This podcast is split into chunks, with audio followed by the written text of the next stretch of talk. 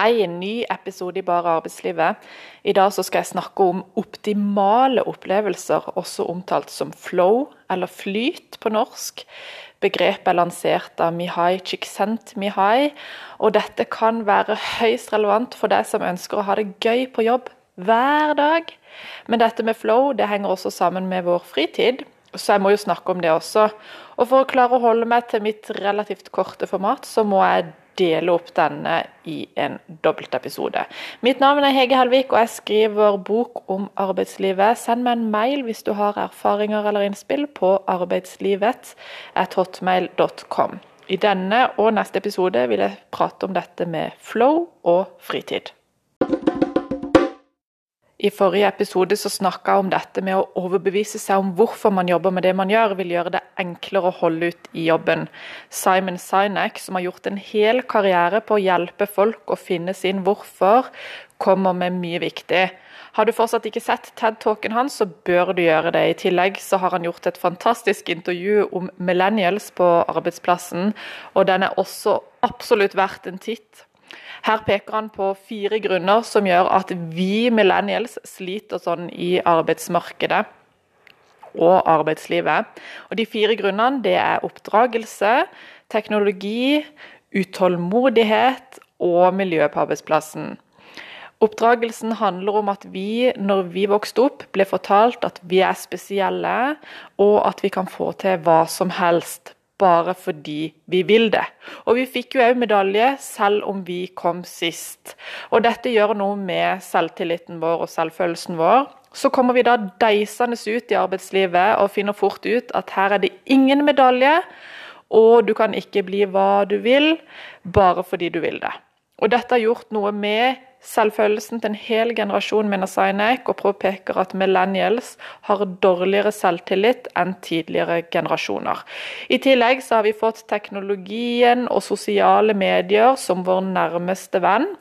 Og det har bl.a. gjort det vanskelig for oss å danne meningsfulle, dype relasjoner med folk rundt oss.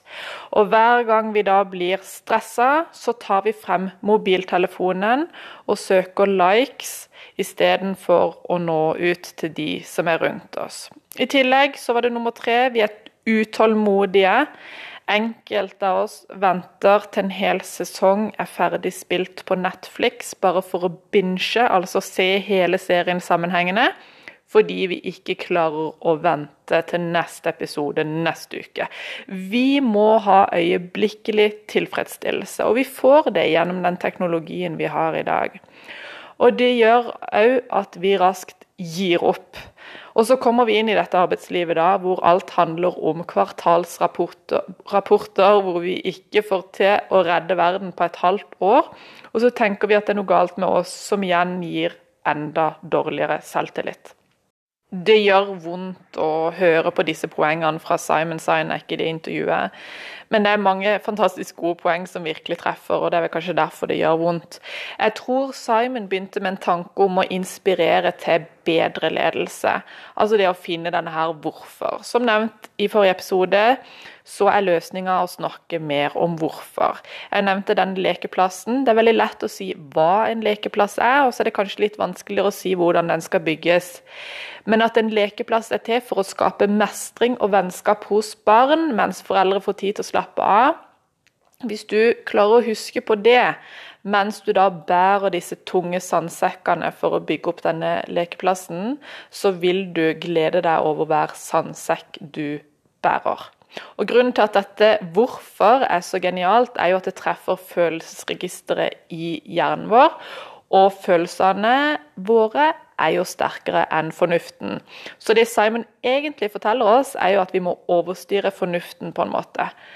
Men så tror jeg jo Simon etter hvert så alle disse stakkars millennials som sleit sånn på arbeidsplassen. Og med våre skavanker så mener jo Simon Sinek at vi i beste fall, jeg understreker i beste fall, vil leve et helt OK liv, hvor vi aldri finner ordentlig glede i livet. Jeg tror Simon glemmer litt dette systemnivået. Han er veldig fokusert på individer. Det er ledere som feiler, og det er ansatte som ikke vet noe bedre. Og Derfor så mener han altså at svaret ligger på individnivå. Det er ledere og bedrifter som må bli bedre. Og jeg er enig i det, men vi kan ikke legge skylda på individer alene. Her er det også et systemnivå som vi må huske på, uten at jeg klarer å sette helt fingeren på det ennå. Så er det rett og slett nasjonal politikk som svikter, og jeg tror dette er mulig å løse. Jeg har grua meg litt til å spille inn denne episoden fordi den mannen jeg vil snakke om i dag, har et litt vanskelig navn. Mihai Csikszentmihalyi, og det staves helt annerledes enn det uttales, så jeg legger ut hans navn og tittel på denne boka som jeg vil snakke om i dag, ved episoden. Mihai poengterer at vi i vår kultur er så opptatt av penger, makt og status og at vi tror at det er dette som er symboler på lykke og glede. Men realiteten ifølge Mihai er at kvaliteten på våre liv ikke kommer direkte av hva andre tenker om oss, eller hva vi eier. Det handler til syvende og sist om hvordan vi føler om oss sjøl, og hva vi føler om det som skjer med oss. Mihai sier at for å få et bedre liv, så må man få bedre kvalitet på opplevelsene som man har. Det betyr ikke at ikke det er viktig å ha litt inntekt også. Jeg har sjøl nå levd uten inntekt i åtte måneder, og det er jo selvfølgelig eh, en glede når jeg begynner å jobbe igjen og får penger inn på konto, ikke bare at de bare ramler ut. Det er ikke akkurat gratis å leve. Og ja, det kan nok virke som at jeg har et anstrengt forhold til arbeidslivet. Og hvis du har hørt alle de andre episodene, så tenker du kanskje at oi, den dama der har opplevd mye forferdelig i sitt arbeidsliv. At det rett og slett ikke ville gjort et eneste lite skippertak til i mitt liv hvis ikke jeg fikk betalt for det. Men det stemmer ikke helt. Jeg har faktisk hatt det helt tipp topp når jeg jobber. Faktisk så mener jeg har brukt mye tid i såkalt flow, som jeg vil snakke om i denne episoden. Og det har gjort at arbeidsdagene mine har flydd av sted. Men det er jo først nå i etterkant at det har blitt klart over at dette er et fenomen. Har du opplevd å glemme tid og sted fordi du har det så gøy? Da er det godt mulig at du har vært i en flow eller flyt. Det kan faktisk oppleves som at man slutter å eksistere. Mihai påpeker at vi har kapasitet til å få med oss 126 biter med informasjon i sekundet. Og det er jo faktisk ganske mye, men bare for å høre på en monolog, så krever det jo 40 biter med informasjon i sekundet. Og det å føre en samtale krever enda mer. Samtidig, i en hvilken som helst situasjon, så vil det skje mye mer enn det vi får med oss. Potensialet for informasjon er så mye mer enn vår kapasitet. Og Det er derfor du ikke klarer å delta i tre samtaler samtidig, f.eks. Samtalene er der, men du har ikke kapasitet til å få med deg alt som blir sagt. Det som skjer når du er i en flow, er at du bruker hele din kapasitet på det du er en del av. Alle dine 126 biter med informasjonskapasitet går inn i denne aktiviteten. Og da glemmer du å kjenne etter at du eksisterer. Du kjenner rett og slett ikke at kroppen er der. Mihai og hans medforskere har intervjuet en rekke personer om hvordan det er å ha en optimal opplevelse. Og I begynnelsen så intervjua de primært ekstremsportsutøvere og folk som var skikkelig flinke i det de drev med, altså verdensmestere og sånne ting. Og musikere. Og når disse musikerne og andre snakka eh, om det å være i en optimal opplevelse, så var det veldig mange som brukte dette ordet flow, eller flyt. Derfor endte de opp med å bruke det begrepet om hele dette fenomenet flow. De snakker med da poeter som sier at de flyter inn i en sånn spontan, ekstatisk verden, hvor de vakreste diktene kommer helt uanstrengt. Og han snakker med musikere som føler at hendene går av seg sjøl. Og det sier jo seg sjøl at disse hendene og disse ordene fra poetene, det krever massiv med øvelse. Men det er ikke nødvendigvis sånn at du må gjøre noe i mange år for å oppleve en flow. Men skulle du ønske å bli skikkelig god på noe, dette er en liten digresjon, så er det greit å vite at det tar ca. 10 000 timer med øvelse. Det tilsvarer ca. seks år i en heltidsstilling. Så hvis du går på jobb hver dag og øver på det samme, så vil du bli veldig flink på det etter seks år i den samme jobben. Ok. Flow handler om å oppnå den rette balansen mellom dine ferdigheter, altså det du kan, og utfordringen du står i. For å illustrere så vil jeg bruke fotball som eksempel. Du kan ikke drible eller løpe med en ball hvis du aldri har lært deg å sentre, altså sparke denne ballen. Min fem år gamle datter vil veldig gjerne spille fotball. Kanskje fordi jeg sjøl har spilt litt fotball denne perioden hvor jeg ikke har jobba. Og Her om dagen så spurte om ikke hun kunne være med å spille i en faktisk kamp som jeg deltok i. Som tilskuer så, så hun jo at det var andre, litt eldre barn som deltok i samme fotballkampen, så hvorfor kunne ikke hun det? Jeg hadde spilt litt med henne tidligere, så jeg visste jo at dette ville være en fryktelig dårlig idé. Forrige gang hadde jeg dribla litt med henne, og hun ble raskt veldig frustrert og sint på meg. For hun var jo riktig nivå å sentre ballen litt sånn enkelt frem og tilbake. Og noen ganger så tar hun jo ballen til og med med hendene, fordi det er vanskelig å sparke den ballen. Og hun bruker alltid tåa, altså hun tupper når hun sparker ballen tilbake til meg. Poenget mitt er at utfordringsnivået ikke må bli for høyt. Det å sende en fem år gammel jente ut i en kamp vil jo være en katastrofe. Og antageligvis så vil hun aldri mer ønske å spille fotball igjen. Og på samme måte må ikke utfordringsnivået bli for lavt. Jeg håper jo selvfølgelig at hun blir god i fotball og finner glede med det. Det er ikke det, men jeg syns jo ikke det er så veldig gøy å sentre med henne ennå. Og det gir ikke meg noe utfordringsnivå. Det å delta i en kamp derimot syns jeg er veldig gøy, og når lagene er ca. jevne og man klarer å utfordre seg sjøl, så vil jo det å spille fotball kunne gi en flow.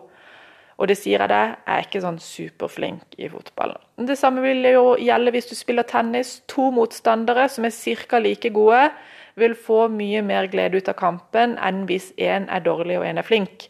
Den som er dårlig, vil synes det er kjipt å ikke kunne få til noe, mens den som er flink, vil synes at det er kjipt å ikke få noe motstand. Det må altså være en balanse mellom utfordringsnivået og din egen evne for å få en flow. Jeg har jo sagt at jeg fikk flow mens jeg jobba og jeg var mye under flow. Så la meg benytte det som eksempel. Og dette kommer nok til å høres litt rart ut, men jeg fant fort flowen når jeg skrev rapporter.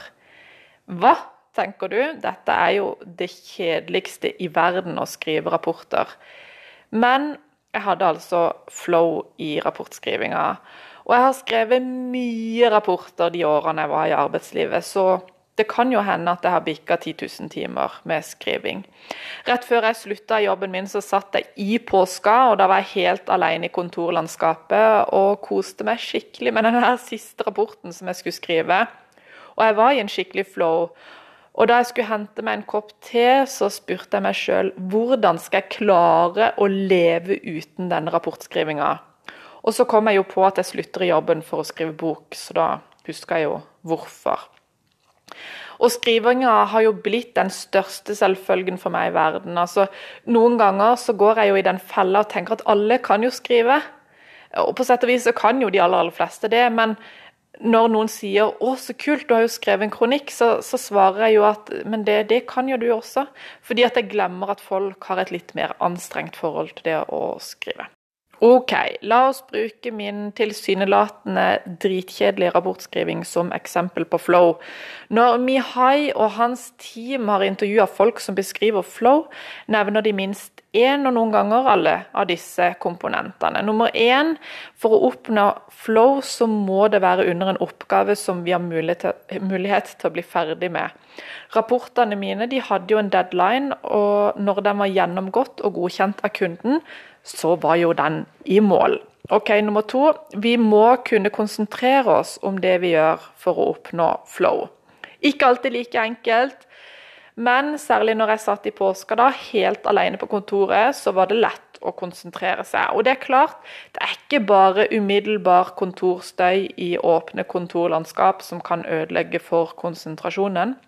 Hvis man har andre ting som plager en, så er det også vanskelig å konsentrere seg. Hvis man bekymrer seg for om man får betalt regninger, eller krangler med samboeren, er singel og barnløs og kjenner på et trist savn av noe slag, ja, da er det vanskelig å konsentrere seg. Nummer tre for å oppnå flow, oppgaven må ha et klart mål og kunne gi en umiddelbar feedback. Altså Disse rapportene jeg skrev, de skulle inn. Og det var jo kundens begeistring eller søvnige tilbakemeldinger som ga meg en feedback. Og det å få en feedback av antall sider som jeg skrev og raste gjennom i løpet av en dag, det gjorde at jeg oppnår flow. Akkurat nå så er ikke boka mi noe mål, eh, og jeg får ingen umiddelbar feedback på den. Derfor er det vanskelig å komme i flow. Podkasten derimot, der har jeg jo klare mål, og feedbacken er ganske klar. Når jeg har fått lagt ut en episode, så har jeg faktisk oppnådd det jeg skulle for den dagen. Så da er det flow så det holder, og det er jo kanskje derfor denne flow-episoden blir så lang. Jeg har kommet inn i en egen flyt her av noe slag. OK, nummer fire. For å oppnå flow, man må ha en dyp, men uanstrengt involvering som fjerner oppmerksomheten fra engstelser og frustrasjoner i, dags, i dagliglivet. Da jeg skrev rapporten, så kunne jeg glemme både tid og sted. Noen ganger nesten glemte å hente i barnehagen. Og det var ord og setninger og sider som bare strømma uanstrengt på igjen. ikke sant? Jeg, jeg, glemmer at noen kanskje har et litt anstrengt forhold til det å skrive. Det har ikke jeg. Ok, Nummer fem. Det skal gi rom for å ha en opplevelse av kontroll over det man gjør. Jeg hadde jo stålkontroll på disse rapportene. Intet mindre. Ok, Nummer seks. Bekymringene for seg sjøl forsvinner i selve opplevelsen. Mens eh, følelsen av seg sjøl er sterkere da, en paradoks i dette her i etterkant av opplevelsen. Så underveis i opplevelsen så forsvinner du på en måte. Mens etterpå så er det 'wow, dette har jeg fått til'. Eh, og Jeg vet ikke helt hvordan ansiktsmimikken min var der jeg satt med rapporten i påska, men jeg tror at vår sjakkmester Magnus Carlsen er et godt eksempel på flow. Han glemmer jo ansiktsmimikken helt når han holder på. Men jeg tipper nok òg han opplever en enorm glede når han faktisk vinner. Her er det et viktig poeng. Det er ingen arbeidsplass, ingen arbeidsgiver, ingen annen person som kan skape den flowen hos deg enn deg sjøl. Altså, det er ingen andre som kan gjøre deg skikkelig flink i noe enn deg sjøl. Og jeg tror òg arbeidsplassene våre eh, forhindrer oss i å bli skikkelig flinke i noe. Eh, tenk på all den briljansen og genialiteten vi går glipp av i et arbeidsmarked som kun er opptatt av kvantitet. Hvor mange eller hvor mye du klarer å produsere. Og nå viser jo Mihai faktisk til at en som står på et samlebånd, også kan oppnå flow, gjennom at han hver dag prøver å gjøre sin oppgave ørlite raskere så ja, det er ikke helt umulig å finne selv i dagens arbeidsmarked. Og som sagt, jeg klarte å finne flow i noe så kjedelig som rapportskriving. Men det ga meg mye glede. Så når jeg sier at det er kjedelig, så mener jeg det ikke. Men jeg tror mange andre tenker det. Ok, men det er altså ingen arbeidsplass som direkte legger opp til at du skal få en flow på jobb. Den må du skape sjøl. Og det er vel også det som er hele ideen med flow. At den kan kun skapes av deg sjøl aleine. Mihai mener jo at de fleste som går på jobb i dag, har en ekstern motivert lyst til å gå på den jobben. Altså Det er noe utenfor deg sjøl som motiverer. Det er penger, karriere, anseelse.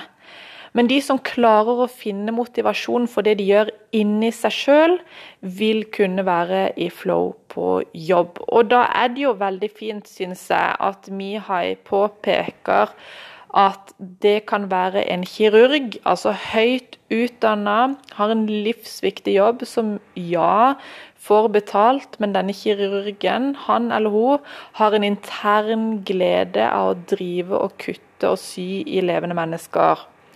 Og at han da tar denne kirurgen og likestiller han med han eller hun, potensielt uten noe særlig utdanning, som står ved samlebåndet og har den samme oppgaven hver 40. sekund, men som likevel klarer å finne en flow gjennom å prøve å gjøre den repetitive oppgaven litt raskere og litt mer perfekt enn forrige gang. Og det er akkurat den samme tingen han finner hos denne høytutdanna, livsviktige kirurgen. Det forteller oss at du ikke trenger å være nødvendigvis i riktig jobb eller ha riktig utdanning. Det forteller oss at flow er noe du selv skaper. Veldig bra at du hørte denne episoden. Jeg er ikke helt ferdig med flow, så jeg vil ta det med inn i fritida i neste episode. For jeg har jo tenkt mye på hva som skjer hvis vi skulle være så heldige å jobbe mindre i fremtida. Og min største frykt er jo at det kan se ganske stygt ut. For hva er vi egentlig i dag, hvis ikke vi er det vi jobber med? Vi høres!